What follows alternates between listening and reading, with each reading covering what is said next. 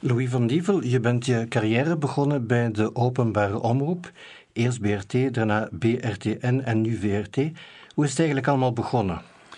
Ik ben na mijn afstuderen aan de, aan de tolkenschool, het Hoger Instituut voor Vertalers en Tolken, heb ik zo wat jobs gedaan en dan ben ik examens beginnen doen bij de BRT. Alle examens die er waren heb ik meegedaan, want het was ook mijn droom, die nu uitkomt, om eens in een radiostudio te kunnen zitten.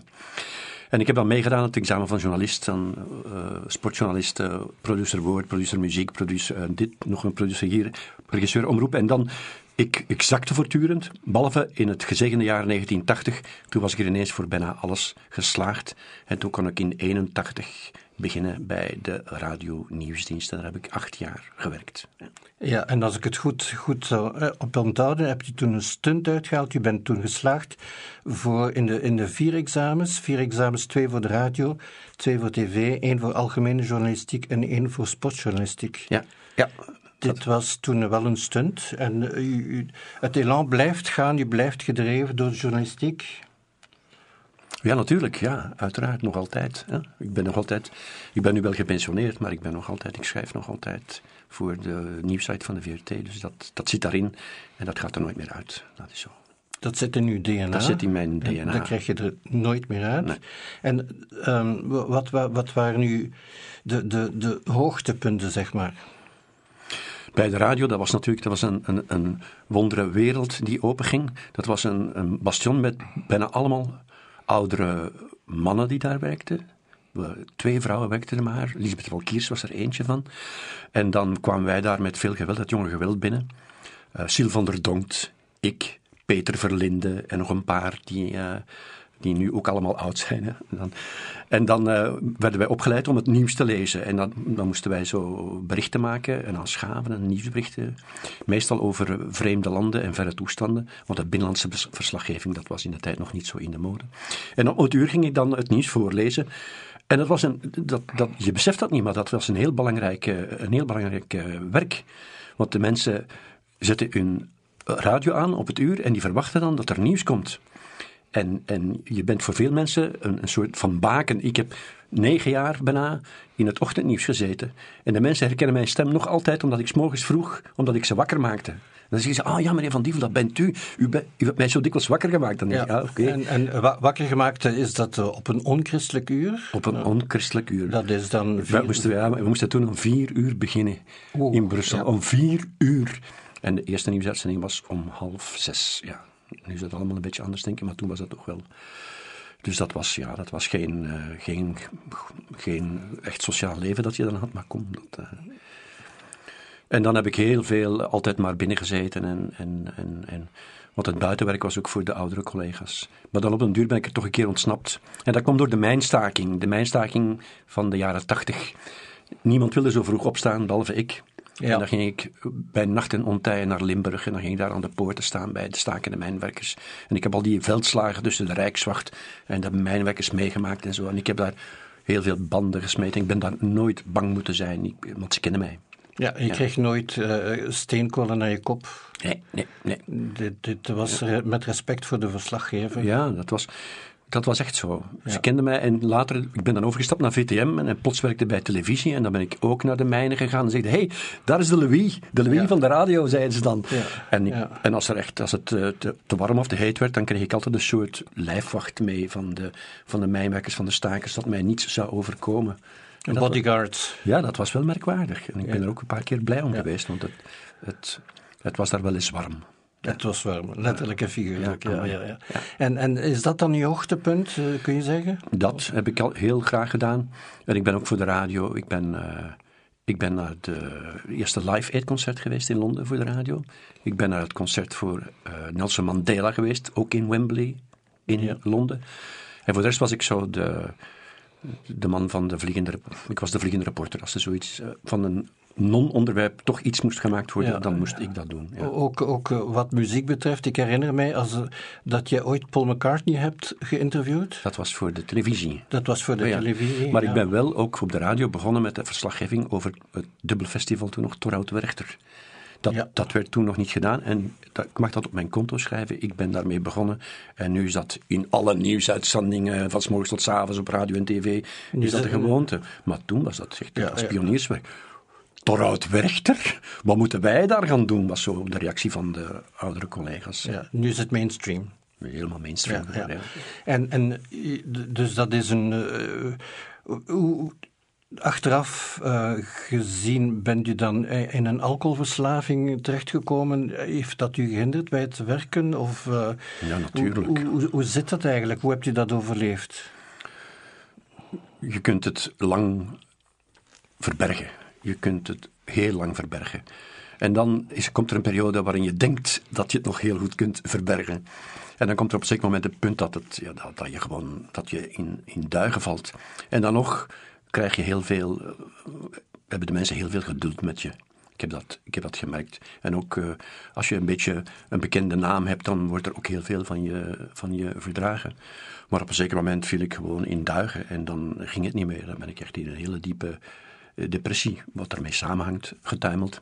En ik heb dan de beste, een van de beste beslissingen van mijn leven genomen en ik heb mij laten opnemen in wat wij liefkozend het gesticht Ja. in Tiene noemen. Ja, eh, de, de, elk- de Broeders van Liefde. de Broeders van in Liefde. Tienen, denk ik. Ja. In Tiene, door, Ja. waar toen nog, de man is gestorven, psychiater Ansoms eh, de baas was en de bezieler. En de man heeft heel veel voor mij gedaan. En daar, daar ben ik ervan verlost geraakt. Van de drankduivel, Ja, en, en dan is het gestopt. en dan, ja. Dan hebt u een nieuwe, een nieuwe stap in uw leven gezet, ook privé gezien. Maar u blijft gefascineerd door het gesproken woord, door het geschreven woord. Ja. Ah, En u, u, u, u blijft bloggen. Ja, ik, ben, ik heb altijd een fascinatie voor taal gehad. Je leert dat ook bij de radio. Ik denk de berichten maken voor het nieuws, nieuwsberichten maken op de radio, dat is een, een constante oefening in bondigheid, in correctheid, in juistheid.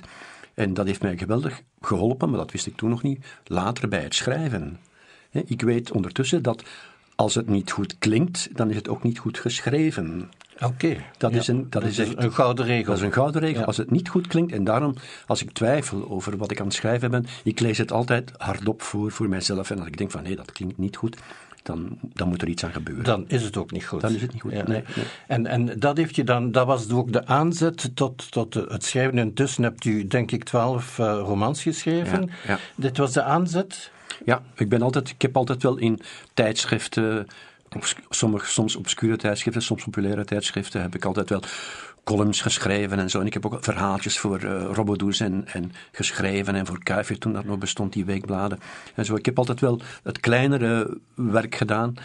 Maar toen, toen ik dan van mijn drankverslaving verlost was en dan, nou, daarna ben ik beginnen lopen. Hardlopen, marathons lopen. En toen dat ook niet meer ging, omdat ik geblesseerd geraakte, dacht ik, en nu ga ik schrijven.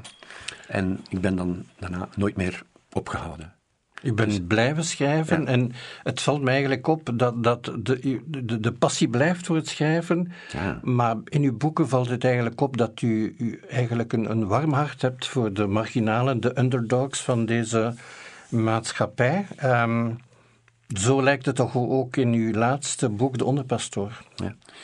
Die fascinatie en die zorg en die bekommerdheid om, om de marginalen, dat is inderdaad zo. Ik had het zelf nog niet zo bekeken, maar een, een vriend van mij heeft dat ooit zo uitgelegd. Die zegt, je geeft een stem aan de mensen die geen stem hebben. En ten tweede, als je zelf in de goot hebt gelegen, en ik heb toch wel half in de goot gelegen, dan, eh, dan heb je het volste respect voor, voor de mensen die in- de goot liggen en dan toch proberen uit te klimmen, hun best wel doen, daar niet altijd in slagen. Ik ben ooit wakker geworden uit mijn alcoholische roes met mijn hoofd op de tafel van een cafetaria in, van een camping ergens in de buurt van Essen. Dat ik dacht, hoe ben ik hier terechtgekomen? Ik wist dat niet meer.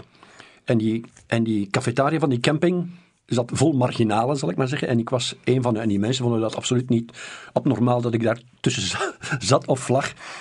En, en sindsdien eh, heb ik daar altijd oog voor. Ik, ik zie dat, ik herken ook mensen, ik herken dat nog altijd na, ik ben nu bijna 25 jaar eh, sober, zoals dat heet. Maar ik herken de mensen nog altijd die aan de drank zijn. Ik zie dat gewoon aan hun ogen, ik zie dat aan hun gezicht, ik zie dat aan hun, hun gelaatskleur. Ik zie het aan de manier waarop ze spreken en kijken. Ja. En ik, ik heb daar nog altijd een, ik een grote bekommernis voor. Dus vandaar ook je, je zwak voor die onderpastoor in, in Dendermonde. Een, een, een, uh, het is niet Dendermonde, maar het is Sint-Gilles, Sint-Gilles Dendermonde. Maar hoe, hoe, bent u er eigenlijk opgekomen? Ik, uh, ik, voor mij was het compleet nieuw, dat, dat verhaal van die onderpastoor. Heeft iemand u gebeld of, of bent u erin ge, ge, ge, gerold op een of andere manier? Ik, ik ga altijd heel impulsief te werk als ik, uh, als ik schrijf. Sommige onderwerpen komen, ben ik van plan om te maken en sommige komen aangewaaid. En als er een onderwerp komt aangewaaid, dan maak ik daar altijd plaats voor. Ik laat die dingen altijd voorgaan op mijn eigen plannen. Uh, zo heb ik bijvoorbeeld ooit, ik, was, ik zat op de boekenbeurs uh, te signeren en er kwam een oude man naar mij toe. Die zei, zij de gaande schrijver? En dat was, uh, dat was Albert. En, en die zei, over mijn leven kunnen een boek schrijven. Albert? Ja, en ik heb dat ook gedaan. En wie was dan Albert? Albert, ja, Albert Tijdgat. Dat was een, een mens, een beenhouwer uit Antwerpen, die uh, in een tijd, in, tijdens de oorlog Joden had verborgen, niet één, niet twee, maar twaalf in zijn eigen huis, die dan een hele reeks, die opgepakt is door de Gestapo, die een hele reeks gevangenissen en kampen heeft meegemaakt en dat allemaal wonderbaarlijk heeft overleefd en dan na de oorlog terug is gekomen en altijd met die spoken van, van de kampen en van die gevangenschap en die miserie is blijven zitten. En die wilde dat vertellen. En hij had mij uitgekozen om dat te vertellen en ik heb dat gedaan. En zo is het ook gegaan met de onderpastoor. Dat, ging in de tijd, dat was in de tijd van priester Bormans. Dat was Rudy Bormans. Dat was een jonge priester die altijd, uh, altijd miserie had met, uh, met, uh, met de kardinaal. Kardinaal Daniels was dat. Rudy Bormans was homo. Hij mocht dat zijn, maar hij mocht dat niet in de praktijk brengen van de kardinaal. Wat een beetje lastig was, uiteraard. En, dus had hij, voortdurend werd hij afgezet, verplaatst, geschorst, dit en dat. Op een zeker moment was die Bormans onderpastoor in twee Vlaams-Brabantse parochies. En hij moest daar ook weg, of hij wilde weg, want het was ook geen gemakkelijke jongen, denk ik. En zondagsmorgens kwamen zijn parochianen op straat met een plakkaat: Rudy moet blijven, Rudy moet blijven. En dat staat s'avonds in het tv-journaal van de VRT. En Martin Tange zei in het begin, van, in de inleiding, zei, dat is voor, de, voor zover wij weten de eerste keer in Vlaanderen dat de mensen op straat komen voor het behoud van hun pastoor. De dag daarna kreeg ik al een mail van een mij volslagen onbekende mens uit Sint-Gilles en Dermonde die zei, Rudy Bormans, allemaal goed en wel, maar in 1969 in Sint-Gilles en Dermonde heeft de parochie maanden gestaakt en actie gevoerd tegen de overplaatsing van de onderpastoor. Bent u geïnteresseerd?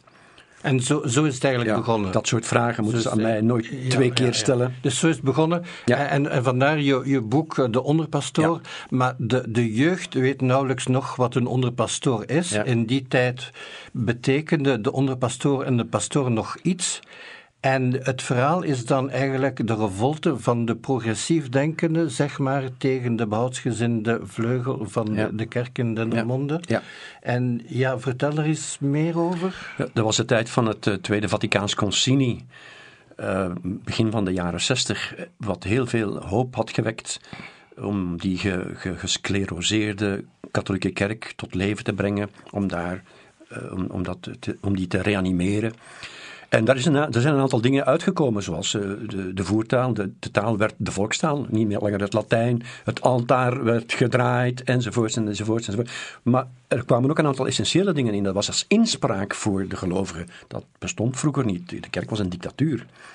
Inspraak voor de gelovigen. En niet alleen over de bloemen in de kerk en, en dat soort dingen, maar echt welke boodschap gaan we uitdragen en hoe gaan we dat doen. En, en in, in, in, in Vlaanderen werd dat hier en daar toegepast, die vernieuwing. Maar in het bisdom Gent, waar Sint-Gilles en Dermonde onder sorteert, daar bleef dat allemaal dode letter, omdat er een zeer conservatieve, een ultraconservatieve uh, bisschop was daar. En daarmee kwam dus mijn onderpastoor, Verhagen, Gilbert Verhagen, die kwam daarmee in botsing. Want Gilbert Verhagen dacht dat hij op zijn eentje daar de besluiten van het Vaticaans Concilie, die vernieuwing van de kerk, in die parochie kan toepassen. Ja, dat was een beetje een, dat, een Don Quixote, zeg ja, maar. Ja, was een, een beetje een Don Quixote, maar die was echt ervan overtuigd dat dat hij zou kunnen. En hij kreeg, het, het overgrote meerder, hij kreeg de overgrote meerderheid van de parochie mee. Maar er was ook een belangrijke conservatieve minderheid. En er was een pastoor die heel opportunistisch was, die, die hem liet begaan zolang alles goed ging, maar die hem liet vallen zodra er tegenwind was. En er was een tweede onderpastoor, want zo was het rijke Roomse leven nog een pastoor en twee onderpastoors in elke parochie. Zo ging dat toen. Ja, hè? nu Ja, zijn ze al ja. blij als ze één Ja. pastoor hebben voor vijf parochies. Maar was het ook niet een financiële kwestie die, die, die aan de grondslag lag Ja, van, dat was de- van de hele hetze? Dat was de aanleiding, was een nieuwe vloer voor de kerk. In de, in de parochie hadden de, de jeugdbeweging hadden geen treffelijke lokalen of helemaal geen lokalen. En, en, en de progressieven wilden graag met het geld van de parochie nieuwe lokalen bouwen. En de pastoor zei: nee, we gaan dat geld uitgeven aan een nieuwe vloer, een marmeren vloer voor de kerk. Van 700.000 Belgische frank uit die tijd. En dat was de aanleiding. Maar dat was alleen maar de aanleiding. In wezen ging het echt om, om, om, om de botsing tussen de conservatieven en de progressieven in de kerk. Maar echt, de 70% van de parochie stond achter de onderpastoor. Dus drie, drie kwart Ja, eh, jong en volgden oud, hem. ja, jong en oud, man en vrouw, de mensen van de jeugdbeweging.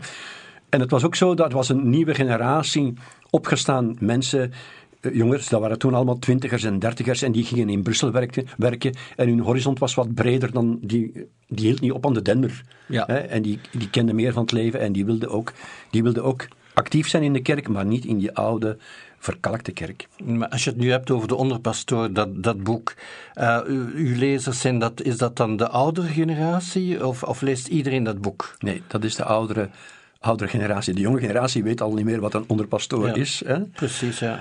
En eh, ik zie dat als ik ga spreken, want ik ga volgende week nog in een van die gemeenten spreken waar hij, waar hij, waar hij onderpastoor is geweest. Dat, dat zijn oudere mensen inderdaad, die, die, die, die komen daar nog naartoe. En de jonge generatie die kent daar niks meer van, die gaat ook niet meer naar de kerk. Dat is, eh, de- de- ik, toen in, in 1969, 68, 69 heeft de kerk in Vlaanderen een historische kans gemist om mee te zijn met de tijd. En dat ze toen die besluiten van het Vaticaans Concilie uitgevoerd, dan zouden de kerken, denk ik, nu niet leeg hebben gezeten en niet verkocht worden om daar balzalen van te maken, denk ik. Ja. En culturele centra en, culturele en, de- centra. en de Leijs in Gent. En de. Leijzen, ja, ja. Maar, maar eh, het, dus de, ik- wat mij opvalt in uw boeken is dat u eh, veel spreektaal hanteert, een soort Vlaams, zeg maar. Schrikt dat de Nederlandse ehm, lezers uit Nederland dus niet te veel af? Jawel, ja. Dat schrikt zeker. Er is een enorme, diepe, diepe, diepe kloof tussen Noord en, en tussen Nederland en Vlaanderen, tussen het noorden en het zuiden. En af en toe is er iemand die, die, dan, eh, die dan wel wordt gesmaakt. Dimitri Verhulst bijvoorbeeld, die schrijft ook wel eh, een, een, zeer, een zeer rijk... Typische couleur lokaal, ja, klaar. ja. Maar die kennen ze en zo. Maar voor de rest is het heel, heel moeilijk om, om, om in Nederland een voet aan grond te krijgen. Ik heb, ik heb, mijn uitgever heeft een vertegenwoordiging in Nederland en die mensen zijn allemaal geweldig grote fans van mij. En die proberen, die doen alle moeite van de wereld om mijn boeken daar te slijten.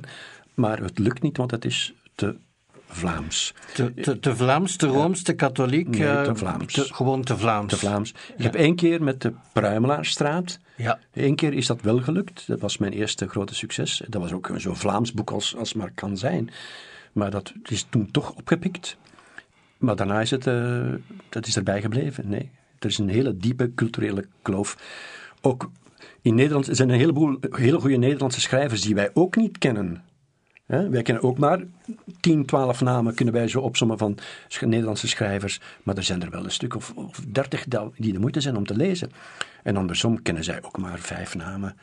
Of misschien tien namen van schrijvers die. eh, Ja, je, je, hebt, je hebt die grote namen en dan, en dan de, de mindere, maar die even goed eh, eh, kwalitatief schrijven en inhoudelijk sterk staan. Ja. En jij bent in Holland, in elk geval in Nederland, een, een van de goede auteurs die niet is doorgebroken. Ja. On- ondanks de spitse dialogen die ik vind, ondanks de pictografische omschrijvingen. Ehm, da- de- denkt u zelf aan, aan een soort monoloog, een soort toneelstuk, een scenario? Zit er een scenarist in u? Scenarist niet, maar ik heb wel eh, eh, monologen schrijven. Dat heb ik, ik heb er al een stuk of drie, vier geschreven. Eh, ik noem Roger, is eigenlijk één grote monoloog. Die is opgevoerd op theater en bewerking daarvan. Mijn novelle Braken is, eh, is opgevoerd en wordt volgend jaar nog een keer opgevoerd. Dat is ook een monoloog. Ik Door, ben door welke toneelgezelschappen zijn in dat? Lier, in Lier, dat zijn kleinere toneelgezelschappen. De, de, bewerking van de, de toneelbewerking van de Pruimeraarstaat die ik samen met Michael de Kok heb geschreven is ondertussen eh, 150 keer opgevoerd. Hè? De, de dat, dat ging over de, de vampier van Muizen, Ja, ja. een vroege buurjongen Ja. van, van u, Ja. die eigenlijk gruwelijke misdaden heeft. Ja. eh, ja. Ik denk dat de meesten het, het verhaal kennen. Maar, maar wat, wat, wat mij ook opvalt, is dat hij ook probeert instructies te geven over de vormgeving over, over het boek. Ik, eh, ik, ik noem Roger, het gaat eigenlijk, om het niet te zeggen, over Roger van Geluur. Ja. Zijn naam komt er niet in voor, maar het gaat dus over een, een gewetenskwestie, een soort oratio pro domo. Dat is niet alleen inhoudelijk sterk, maar ik vind ook de vormgeving. eh, zegt, kunt u er iets over kwijt? Ja. Ik heb, eh, dat was in 2010 en ik zat op het eiland El Hierro, waar we zelfs nog wel eens op, op terugkomen, denk ik, waar ik een schrijvershuis heb. En ik was daar een wandeling aan het maken eh, in the middle of nowhere. En daar waren, ik had alleen nog maar schapen gezien en zeearenden, hè, want die leven daar nog. En, en dat was in de tijd dat de VRT Nieuws nog van die berichtjes stuurde als er iets belangrijks gebeurde. Dat was de tijd Berichtjes. berichtjes, nieuwsberichtjes. Als er zoiets, dat was in de tijd voor de smartphones bestonden, of nog niet populair waren. En dan kreeg je een berichtje en ik was zo in the middle of nowhere. En ik kreeg Wacht eens, ben even niet mee. Ja. Je kreeg berichtjes over de telefoon? Of, eh, ja, zo'n eh, sms'jes. Ah, oké, Zo ja, van die ja, nieuws-sms'jes kreeg ik. En, en, en dat was twee dagen onderweg geweest, want eh, toen was de, de, het bereik van het gsm-bereik op het eiland was nog niet zo geweldig. En daarin stond dus dat Roger van Geluwe had aangekondigd dat hij zich zou terugtrekken in het verborgene. Het beruchte verborgene. En hij was al maanden in het nieuws geweest in verband met kindermisbruik, want daar pedofilie, kindermisbruik. En ik dacht, godverdomme, gij smeerlap. Hè? Je richt zoveel ellende aan, zoveel miserie. En dan zeg je, ik heb er een beetje spijt van, niet al te veel, maar enfin. Ik, ik ben trek, weg. ik ben weg, ik trek mij terug in het verborgene. En ik ben dezelfde avond, toen ik terug was in mijn huisje, ben ik beginnen schrijven eigenlijk.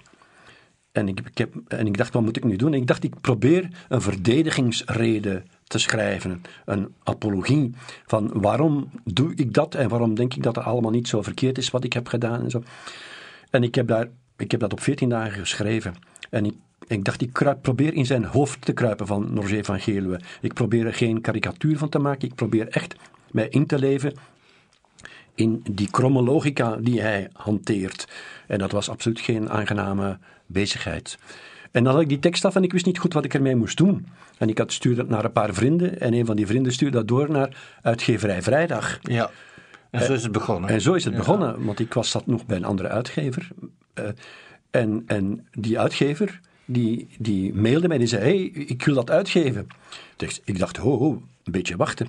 Ik heb dan het manuscript doorgemaild, Doorgemaild. ja. doorgemaild aan, de, eh, aan de advocaat, de bekende Walter van Steenbrugge, die advocaat was van een van de slachtoffers van Van Geluwe. En ik heb gevraagd, doe ik er kwaad mee als dit verschijnt?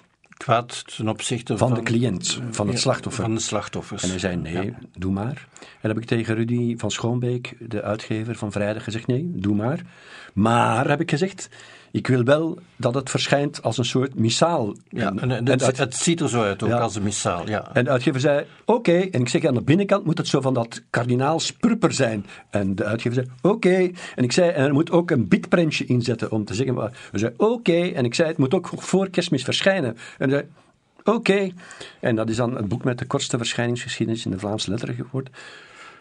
En, en Maar, maar, maar, maar niet, niet alleen dit, ook de cover is nogal speciaal. de cover, ik ja, als, je, als je goed kijkt, Ja, ja, dan zie je dat- je, je zou denken, dit is een kruisbeeld, Ja. maar als je het een beetje onder de loep houdt, dan zie je... Ja, ik had, ik had dat niet gezien. Ze hadden mij een ont- ontwerp doorgemaild en ik dacht, ah, dat ziet er goed uit. Een kruis en zo, een beetje een gestileerd kruis. Dat ziet er goed uit. Ik zeg, ja, doe maar, dat is oké. Dat kwam van een Nederlandse vormgever.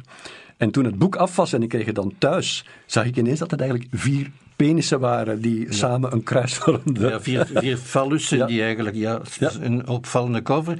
Het is ook een collectors item geworden. Ik heb het moeten zoeken op eh, tweedehands.be. Ja, is een... Ja. Een, een, een collectors item. Maar heb je zelf nooit gedacht om het zelf op de bühne te brengen? Deze monoloog. Het is typisch Louis van Dievel. Ja, ik- Het is nogal diepgaand en eigenlijk zie ik u dat wel doen. Ja, ik heb, het is door twee, eh, twee één keer door een acteur een, zo, met een eenmansbedrijf opgevoerd en dan door een theater in Lier. En eh, ik, ik, was, ik heb de première toen zelf niet meegemaakt, Want ik was op El maar mijn, mijn, mijn, mijn broers en zussen waren er naartoe gegaan. En mijn zus mailde mij daarna. Ze zei, aan het, toen het laatste woord van die monoloog was gezegd, klonk er geen applaus, want niemand wilde applaudisseren, omdat die acteur, die perverse bisschop van Geelwe, zo treffend had neergezet. En mijn zus mailde mij en ik had zin om mijn schoen naar zijn hoofd te gooien. Ik dacht, ja, dat is het. Een beter compliment kun je Een niet beter krijgen. compliment kon je niet hebben. Je, je hebt het eh, af en toe over dat eiland, een klein eilandje in de Canarische, een van de Canarische eilanden, Ja. godvergeten eilandje, en daar trek je je terug Ja, om te schrijven. Om, om te schrijven en te wandelen. Ja. Heb je die inspiratie nodig op dat eiland? die inspiratie, dat zit in. die- Ik kan daar, ik moet daar alleen maar, ik moet mij, als ik daar ben, moet ik met niemand of niets rekening houden. Het is ook de enige plek waar ik heel gedisciplineerd kan werken. Ik sta op daar op tijd, ik kom bijtrustig en dan om half tien begin ik te schrijven tot vijf uur, van maandag tot vrijdag. En zaterdag poets ik en doe ik boodschappen en zondag doe ik niets, want dat is de dag des heren. Hè. En, Dus, maar dat is dus echt alleen en van geen mens gestoord. ja, alleen en van geen mens gestoord. En af en toe sta ik, kijk ik uit het raam en dan zie ik de, de geweldige oceaan. En ik ga eens naar buiten en ik loop eens door de, door, door de wildernis die mijn tuin is. En ik loop terug binnen. Maar ik kan gewoon heel gedisciplineerd schrijven en ik kan dat alleen maar daar. Ja, dit is eigenlijk een dagtaak. Ja, en ik een heb- dagtaak met speciale rituelen. Ja. En hebt u dan bepaalde dingen die u doet? Luistert u naar muziek, eh, lievelingsliedjes? eh, ik zeg zomaar iets. Ik luister altijd naar muziek. Muziek moet er altijd bij zijn. Jazz. Keith, Ke- eh, piano liefst. Of Pink Floyd. Hè? Zo, dat soort dingen, dingen. En muziek moet er altijd zijn. En soms hoor ik het helemaal niet, soms hoor ik het wel. Maar dat moet er altijd zijn. En, en, en voor de rest eh, drink ik heel veel water. En, en, en, en, en, en ik kan ook alleen maar schrijven als ik mijn teensloeven aan heb. Daar. Wel, ik ging het u vragen. Wel- welke schoenen draagt u? Uw teensloef? Teensloeven. En welke kleur hebben die? Blauw. Blauw, Ja. zoals, zoals de, de zee eigenlijk. En ik heb Ja. daar vier paar teensloeven staan en ze zijn allemaal blauw. E- Eentje voor de maandag, eentje voor dinsdag, en woensdag en donderdag. Kijk als morgens en dan staan die zo aan de trap naast elkaar en dan denk ik, die- trek ik vandaag die? Die naar u toe. En dan één slof en dan hebt u het type muziek dat u wilt horen. Want eigenlijk bent u ook een levende jukebox, hebt u ooit eens gezegd in een interview. Ja. Ik ben een zangvogel. Ik heb dat van mijn moeder zaliger, die had dat ook. En voor de rest, ik...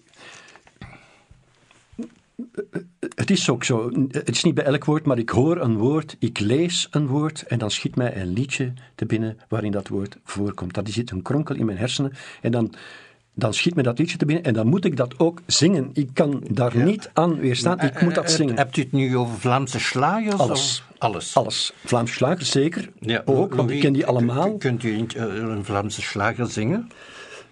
Eh, ja.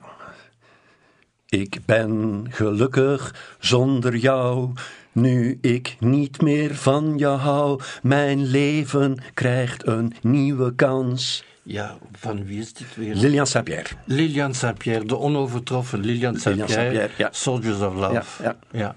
En dus de, de, de, het, het, het, ehm, het verblijf op, op uw eigen eiland, een beetje Robinson Crusoe-achtig, dat, dat geeft u de aanzet voor, voor, voor, om te schrijven. En wat is uw volgende boek bijvoorbeeld?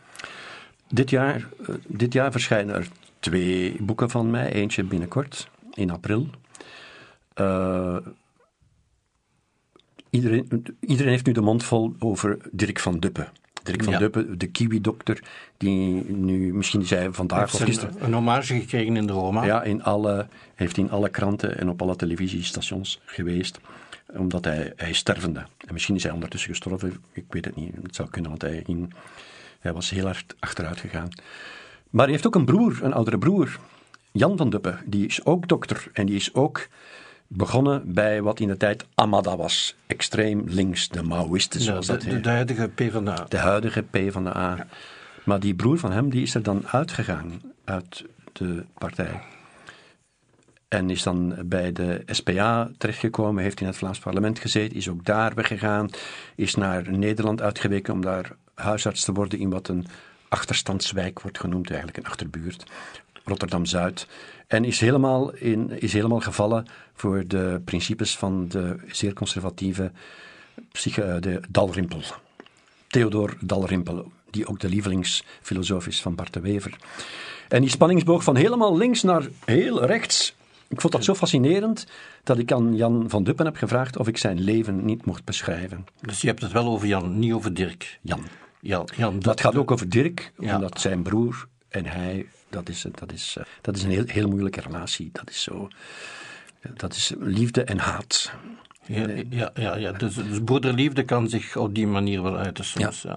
En En dus- dat, dat is uw volgende boek Ja. over Jan van Over Jan van Duppen, maar dat gaat ook over Dirk van Duppen. Ja, Hè? ja. En, en dat was een heel fascinerend leven, want hij is ook in de tijd gestopt met zijn, met zijn studies, want de partij vond dat je moest proletariseren, dat je in de fabriek moest gaan werken. En dus heeft hij in een asbestbedrijf gewerkt, heeft hij in de mijn van Beringen gewerkt, heeft in Antwerpen met de trein, eh, met de tram en met de bus gereden. En is dan pas op latere leeftijd voor dokter gaan studeren. En zo een onvoorstelbaar fascinerend leven. En, en ik heb gevraagd, zeg, mag ik dat schrijven? En eerst wou je niet, dat, dat, dat, dat, op een duur wou je dat. Maar dit, dit eh, weer met een Vlaamse inslag. Ja, ja. En eh, u neemt het risico van ik blijf in, in Vlaanderen. Met de hoop toch op een doorbraak. Ja. En wat is uw tweede boek waar u eh, in gedachten mee bezig bent? Het tweede boek is ook af. Ik heb het samen geschreven met, met mijn vriendin Brit, Brit Droog. We wilden dat eens proberen of we dat samen konden. En eh, we hebben dat eerst... Het gaat over Madeleine, een kuisvrouw, een, een, poetsvrouw, Madeleine. Een Vlaamse. Een Vlaamse. Ja. Uit Okselaar, gelijk Okselaar, maar zonder H. Dat is een gehucht in de buurt van Voortkapel. En eh, dat is een, ook een, een marginale figuur die zich toch kan opwerpen, werken en opwerpen tot, eh, tot wanneer ze bij een chic echtpaar uit Aarschot terechtkomt, waar ze begint als poetsvrouw, werkt ze zich op tot een soort personal coach van die mensen. En dat is een heel tragicomisch verhaal dat we in Dat afleveringen... speelt, speelt zich in nu af. Het speelt zich in het nu af. Ja, Ja. En, dat, eh, en daar gaan we ook een theaterbewerking van maken. Eh, en dat ver- verschijnt in, in, in, in, de, in de herfst. En ondertussen ben ik al aan nieuwe boeken begonnen. Het ene heet Witte Oren. Witte oren. Witte Oren. Ja, ik, dat is een uitdrukking die ik verleden jaar voor het eerst hoorde in de Kempen. Dat is een Kempense uitdrukking. Dat wordt gezegd, iemand heeft witte oren, betekent dat hij of, hij of zij op sterven ligt. Oké. En dat blijkt inderdaad ook zo te zijn. Je krijgt witte oren, zoals ook je lippen heel bleek worden. En dat is een teken van het Dus de- naderende de voorbode- einde. voorbode de voorbode van- van, het overlijden, ja. Van de overgang. Ja, ja. Ja. En, En wat, wat fascineert u daar dan in, die witte oren? ja, en, dan, en ik, had dat, ik vond dat zo'n mooie uitdrukking. En dacht, ik moet dat onthouden. En zo doe ik altijd, ik onthoud iets. En vroeg of laat doe ik daar Dat dan is dan iets de mee. aanzet Ja. tot, tot iets, iets groters. En het wordt het verhaal van een, van een dat heel hard op Voortkapel lijkt, waarin een oude vrouw op sterven ligt, die altijd heel haar leven lang iedereen in doog heeft gehouden. In dat gehucht. Iedereen, echt, die heeft altijd alles gezien. Die stond altijd op straat. En als het slecht weer was, zat ze achter haar raam. Die heeft altijd alles gezien. Een beetje de, de komeren uit Gent. zoiets. Ja. En nu ligt ze op sterven. En nu komt de pastoor erbij, en dan komt de verpleegster van het Wit-Gele Kruis erbij, De- en haar de- dochter komt erbij. En iedereen in het gehucht vraagt zich af, wat weet die van mij, van Ja. mij, en wat gaat ze verklappen nog? Ja, die neemt de geheimen mee naar graf of niet. Ja, of Zou niet, die ja. iets kunnen zeggen of niet? Spannende tijden voor, voor de, de mensen in, in het gehucht zelf. Ja. En wat is de schade die zij eventueel zou kunnen berokkenen? Ja, dat is het, Dat- dat, is het verhaal. En dus is- is het verhaal van de straat ook, van, van de kleine kantjes van de mensen en van, vooral van de angst. Iedereen, ieder huisgezin heeft een geheim. Meestal stelt dat niet veel voor, maar we hebben toch niet graag dat dat uitkomt. Maar sommigen hebben echt wel iets dat, dat, waarvan ze niet willen dat het geweten is. Hè? Drugs, overspel, weet ik veel. te Ja, dan, gaat de deksel van de beerput Ja, ja, gaat soms open. En, dan, en, dan, en die heeft dat gezien. Heeft ze het gezien of ze het niet gezien? Ik, ik vrees dat ze het gezien heeft en gaat ze het nu ook voortvertellen. Hè? Dus dat is de eigenlijk angst. de, de doos van Pandora zou eens kunnen opengaan. Ja, dat is het, het verhaal. Ehm, Louis, u bent constant bezig met schrijven. Denkt u ook aan, aan, aan vertalingen? Denkt u ook aan publicaties in het buitenland? Ik denk aan een Franse vertaling, aan een Engelse vertaling. Zit dat bij jou erin? dat, is, dat zou mijn, dat zou mijn eh, ultieme droom zijn, want dat is iets wat ik nog niet... Ik heb, zou, dat, dat staat heel goed op je curriculum vitae. Ik zou heel graag een goede vertaling hebben van een van mijn boeken. In het, en waar, waar, wat zou je vertaald willen zien? Welk boek? De Pruimelaarstraat zou ik zeker vertaald willen zien. Ja. Ook De Onderpastoor, want dat is een... Uh, dat is ook een, een algemeen verhaal. Ik denk dat het ja. internationaal zou, zou kunnen. Landlopersblues over, de, ja. over landlopers, de, dat, dat, dat is ook een universeel gegeven en zo. Er zijn er een aantal. Maar u, u, hebt, u, bent, u hebt zelf een master in vertaalkunde. Ja. Zou u dat zelf willen doen of denkt u, nee, dat is een beetje te hoog gegrepen? Dat, ik denk dat dat te hoog gegrepen is. We hebben dat altijd geleerd, hè. je mag je kunt alleen maar goed vertalen naar je moedertaal. Ja, dit, dit, klopt, maar je zou de aanzet kunnen geven. Je zou de aanzet kunnen geven. Er, er, is één keer een, een, een, een, vertaling verschenen, maar dat was een hele slechte, van, uh, van uh, Ik ben de vuilnisman, mijn, mijn tweede roman. Is er ooit een hele slechte vertaling bij een Waalse uitgeverij verschenen. Maar dat is ook alles. Maar ik, ik droom daar wel van. Dat is zo nog iets wat ik graag zou ge zien gebeuren voor ik... Uh, het hoofd moede te rusten leg. Ja, vooraleer je witte oren. Ja, voor ik witte oren krijg. Maar dit is zo, toch ook uh, typisch Belgisch. Uh, Vlaanderen heeft zijn Vlaamse auteurs, Wallonië heeft zijn Franstalige auteurs, maar men kent elkaar nauwelijks over de taalgrens. Zo, ja. En het zou natuurlijk een primeur kunnen zijn dat Louis van Dievel van de Vlaamse Ardennen naar Le Pays de Collines gaat en, en daar in de bibliotheek van Fran Le Buissenal ja. zijn ding zou kunnen doen. De eerste die daar eigenlijk in geslaagd is, is Lise Spits. Lise ja. is de eerste Vlaamse auteur die in, in, in, in, in Wallonië in de schaarse boekhandels ligt. Want boekhandels zoals wij in Vlaanderen kennen, dat... Je hebt de boekhandels in Luik en in, en in, en in Namen en in Charleroi en zo, waar ze dan voor 98% Franse boeken ja. verkopen uit Frankrijk. Uit en, Frankrijk Waals, ja. en Waalse auteurs zijn, die zijn ook heel tevreden als die. Ik, ik, als er van mij een boek maar 1500 exemplaren zouden verkocht worden, dan ben ik zeer mistevreden. Als een Waalse auteur 1500 boeken verkoopt, dan springt hij een gat in de lucht. Ja. Hoeveel, hoeveel exemplaren hebt u bijvoorbeeld zelf verkocht van, van, van de onderpastoor? Dit is toch een bestseller? Ja, 5000. Voor, 5000. Vlaanderen, voor Vlaanderen is dat een bestseller. En het blijft lopen? Het blijft nog lopen. Van uh, Hof van Assise zijn er 20.000 verkocht. Van de Pruimelaar staat die nooit uit de handel is geweest, 25.000. Maar, meestal is dat zo 3000, 2500, 2000, hangt er. Maar dat gaat er nooit onder. En ik, en het is nu zo dat ik ga naar mijn uitgever en ik zeg, ik heb alweer een idee voor een nieuw boek. En dan zegt hij, laat maar komen. Hè? La, laat maar komen. Laat maar komen, ja. omdat hij weet natuurlijk ook dat er dan minimum zoveel van verkocht worden. Ooit zal die dag wel komen dat ik zeg, ik heb, kom hier met een boek, dat hij zal zeggen, dan, nee, dank u toch. En, en een boek misschien met de cd erbij, met, met uit, uitgekozen muziek dat je moet uh, ja. lu naar luisteren als je het boek leest, zoiets. Ja, dat zou wel plezant zijn. Ja. Maar uh, voorlopig, ik blijf, ik doe niet liever dan schrijven. Ik, ik, zeg het liefste wat ik doe. En, en op een duur, technisch gezien, met elk boek word je beter, omdat je...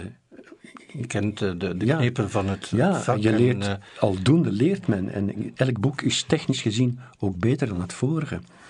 En, en, en zolang ik ideeën heb uh, om, om boeken te schrijven. Dus ik ben nog bezig ik ben nog zeker bezig. Ik heb al plannen genoeg tot in het jaar 2023 of 2024. Dus. Altijd op de eilandje, dat, dat, blijft, uh, dat blijft je vaste stek vast, met, met die sloffen ja. en met de muziek van Ja. Pink Floyd of jazz. Ja. Uh, Louis, hartelijk bedankt voor dit interview. En ik zou zeggen, ite missa est. En tot heel binnenkort. En ja. Dag.